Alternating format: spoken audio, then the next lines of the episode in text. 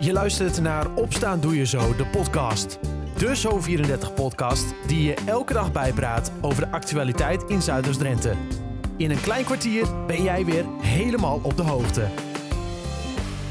Het is vrijdag 24 december 2021. Dit is Opstaan Doe Je Zo, de podcast, aflevering 104.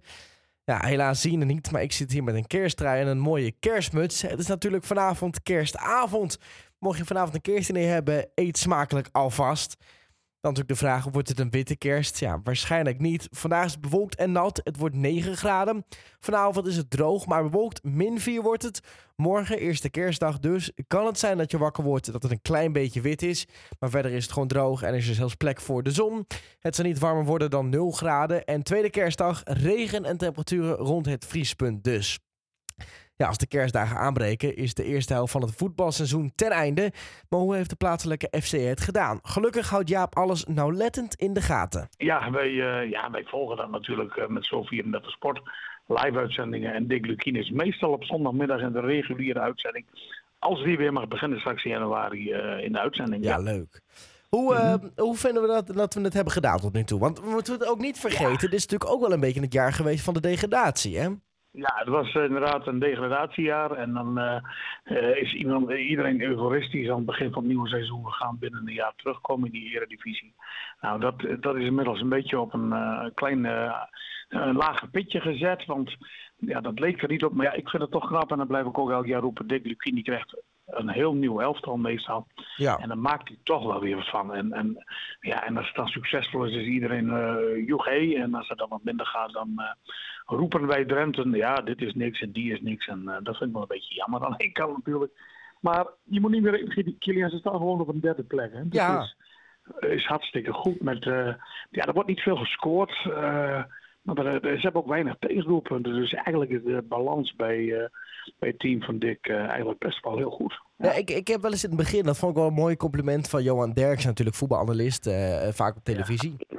Op een gegeven moment werd, werd Erik ten Hag uitgeroepen, natuurlijk Ajax-trainer voor de beste trainer van 2021 of zo. Ja, ja en, klopt. En, en, toen zeiden ze eigenlijk ook, ja weet je wat het is? Wij zijn er niet mee terecht. Ik vind dat Dick Lukien het beste is. Want die heeft met zijn budget en met zijn spelerskwaliteiten... brengt hij toch op een gegeven moment... Nou ja, ik denk bijvoorbeeld een PSV uh, tegelijk. Ja. Feyenoord gelijk. Dat, uh, ze komen best wel mee. Ja, dat, dat, dat, is ook wel eigenlijk best wel terecht. Dick Lukien is een... Nou ja, je weet, hij staat niet veel op de voorgrond. Hij doet zijn ding. Hij doet zijn ding goed. Uh, hij kan volgens mij met heel veel spelers uh, goed door één deur. Ja. ja en als je, als je rust hebt in je, in je club en, en ook uh, als trainer zijn. En niet zoals ik andere trainers wel zie schreeuwen en roepen en er is altijd wel wat. Ja, dan doet hij het uitstekend. Doet hij al een paar jaar. Dus ja, waarom niet? Dus uh, ja, Ten ja, dat is natuurlijk een naam en Ajax is een naam. Dus ik vind, uh, ja, hij zou best dat trainer van een jaar kunnen worden uitgeroepen, vind ik wel. Ja, dat vind ik met je eens. En Johan Derks ook, ja hoor, ik ook. Nou, ja. nou is het natuurlijk zo dat, dat we lekker derde staan, zeg jij Jaap. Nou, ja. laten we voor nog, nog iets veranderen. Spelletje erbij, spelletje eraf. Ja, daar zijn ze ook mee bezig. Ik lees, uh, ik las van de week... Ja, er is weer iemand vrij bij, uh, bij Roda JC die, die het contract loopt af. Bij Volendam is weer wat uh, roering. Er is een verdediger. Ja, ik denk dat wij qua verdediging het allemaal goed in elkaar zit. Met Araujo, ja. die sowieso het hele, hele achterin uh, best wel goed onder zijn hoede heeft. En ja, die moet, je ook, die moet je ook zien te behouden, ook in de winterstop. Maar dat draait het toch in de achterhoede om bij, uh, bij Emmen. En uh, ja. ja. dan kun je wel wat verdedigen. Ja, tuurlijk is dat natuurlijk handig als er mocht er wat gebeuren met de blessures of rode kaarten. Dat hebben ze gelijk in. Maar ja, ik had liever... Ja, Hilterman valt mij een klein beetje tegen qua doelpuntjes. Ja, uh, ja er was iets meer van verwacht waarschijnlijk. Maar ja, uh, zeg het maar, het moet ook lukken natuurlijk. Je moet ook aanvoeren hebben. Het is niet alleen de, altijd de schuld van de spits. Maar ja, uh, een kopsterke spits of een, uh, iemand van twee meter, ja, dat zou best passen in de voorhoede, denk ik. Dus er moet, maar, op zich ja, hoeft, hoeft er niet per se iemand... Er hoeft in principe niet iemand weg. Dat is, het loopt allemaal wel, nee. maar een kopsterke spits en wellicht ja, wat blessures. Ja. Oh, oh, ja. wie weet. Ja. Kijk, je gaat natuurlijk het tweede, seizoen, het tweede helft van het seizoen in. En ja, de, de, iedereen wordt wat moe en er komen wat pijntjes en er, wordt hier en daar eens een tikje uitgedeeld. Natuurlijk, als aan het eind van, uh, van de competitie, dan, uh, dan zijn er heel veel die wel, um, ja, meestal toch wel een beetje afvallen. En dan uh, moet je wel wat achter de hand hebben, inderdaad. Dus ja. dat zou, ja, ik, ik heb geen idee hoor. Is die Mike Eerthuizen, dat is een goede verdediger, centrale verdediger van Volendam nu nog. Maar die staat Die staat in de belangstelling. Er is nog geen concreet iets bekend. Maar ja, misschien wel goed. Ja, wie weet. zeg maar, Kilian. Ja. ja. een leuke spits zou ook niet verkeerd zijn. Maar ja, wie moet je nu dan gaan halen? En dan kom je echt uit bij jongens die bij hun club op de bank zitten. Of niet aan het spelen toekomen natuurlijk. Ja, ja en daar moet je, daar moet je weer uit winkelen. Dus het is niet zo dat dat, uh, nou, uh, laat ik even een voorbeeldje noemen. Een, een Sahabi zegt van, hé, hey, ik ga even bij hem voetballen komen de rest van het jaar. Ja, nee, dat snap ik, ja. Zo mooi zijn. Nee, maar ja, dat begrijp je ook. Maar dat is ook helemaal niet erg. Dus wij, uh, we wachten rustig af wat er gaat gebeuren. Ze spelen weer op 8 januari tegen de Bos uit. Ja, eigenlijk moeten ze gewoon doorgaan met wat ze zijn gestopt voor de winterstop. En VV was geen topwedstrijd, maar wel weer nee. die puntjes. Dus, maar vind jij dan nog, Jaap, dat voor Dick Lukien uh, wat jongere jongens uit de jeugd nog, nog iets meer kansen moet geven?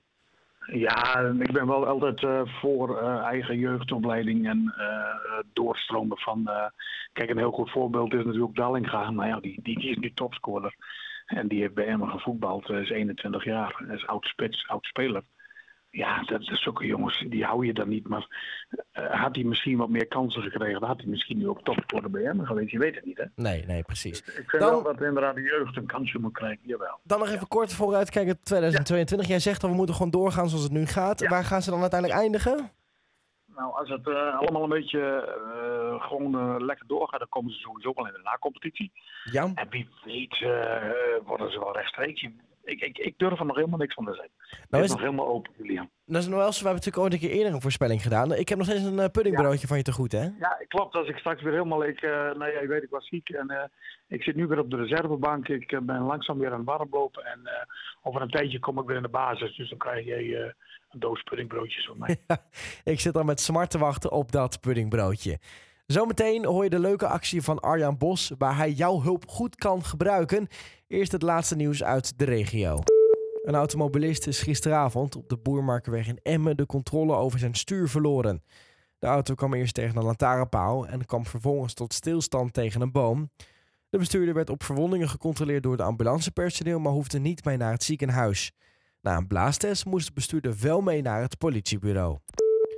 De speciale bus die asielzoekers rechtstreeks van Zolle naar het AZC in Ter Apel brengt, blijft ook volgend jaar rijden. Dat maakte burgemeester Erik van Oosterhout bekend. Aanvankelijk zou de bus bij wijze van proef tot het einde van dit jaar blijven rijden, maar de dienstregeling wordt dus nu verlengd. De bus moet helpen de aanhoudende overlast door asielzoekers tegen te gaan op de vechtallijnen tussen Emmen en Zwolle. Ook komt er na 9 uur s avonds een BOA in de bussen tussen Emmen en Ter Apel. Volgens Van Oosterhout zien de gesprekken met alle betrokken partijen over extra beveiliging op de lijnen er goed uit. De gemeenteraad van Borgordoorn heeft gisteravond voor de uitbreiding van landgoedcamping De Strengen in Borgen gestemd. De onderneming wil uitbreiden van 25 naar 60 kampeerplaatsen. De wijziging van het bestemmingsplan voor de camping werd door de gehele raad aangenomen. CDA-lid Margreet Wegman liet weten voor de uitbreiding te willen stemmen, maar benadrukte dat het agrarische karakter van de Strengenweg behouden moet blijven. En de Emmer-burgemeester Erik van Oosterhout gaat komend voorjaar in gesprek met de lokale Sinterklaasverenigingen over het gebruik van het figuur Zwarte Piet. De uitkomst wordt vervolgens besproken met de gemeenteraad. Met die toezegging geeft hij gehoor aan het verzoek van GroenLinks. Eerder deze maand die de fractie weet in geval een motie voor te bereiden. Strekking was een ban op Zwarte Piet bij alle Sinterklaas-intochten in de gemeente. In hun ogen is Zwarte Piet een racistisch karikatuur die geen plek meer moet krijgen bij de hedendaagse intochten. Tot zover het laatste nieuws uit de regio. Voor meer nieuws ga je naar de website zo34.nl of download je de gratis Zo34-app. Je verjaardag vieren in coronatijd is behoorlijk lastig. Maar Arjan Bos heeft daar een leuke actie voor bedacht. En hij heeft jouw hulp daarbij nodig. Ik had hem vanochtend aan de telefoon. Goedemorgen. Ja, ik zei het al, uh, verjaardag vieren in coronatijd is lastig. En dan heeft je een dochter behoorlijk wat last van, of niet? Ja, dat klopt. Nou ja, goed, eh, wat je net ook al terecht zegt, uh, iedereen zal er op dit moment gewoon last van hebben. Uh, met betrekking tot de corona. Alleen, ja goed, mijn vader had verscheurd gewoon als je je dochter hoort huilen van goh, hé, nu kan ik het tweede jaar op rij mijn verjaardag al niet meer vieren. Nee. Wat, wat, wat was haar idee een beetje? Was het inderdaad om groot uit te pakken? Want hoe oud wordt ze? En uh, het was inderdaad de bedoeling om het groots uit te pakken. Uh, net zoals elke verjaardag is een verjaardag voor een kind natuurlijk magisch. Ja. En eh, ja, goed, weet je, het, het, het kon gewoon nu voor het tweede jaar op rij gewoon niet doorgaan. En ze wilden heel graag naar, eh, naar de beide oma's in Duitsland. Kon helaas door de lockdown niet doorgaan vorig jaar. En ook dit jaar niet meer. Nee, lastig lijkt me dat inderdaad. Al helemaal als je, Ja. dan, al helemaal als je dan zo jong bent en je wil graag je verjaardag vieren, dat je dan denkt, ja, waarom kan het nou niet? Ja, nou ja, goed, je kunt het op een gegeven moment gewoon niet meer verkopen richting de kinderen, hè. Nee. Het is eh, op een gegeven moment dat je voor het tweede jaar op rij al moet zeggen van... hé, hey, weet je, het kan dit jaar ook niet doorgaan omdat we weer met die corona zitten.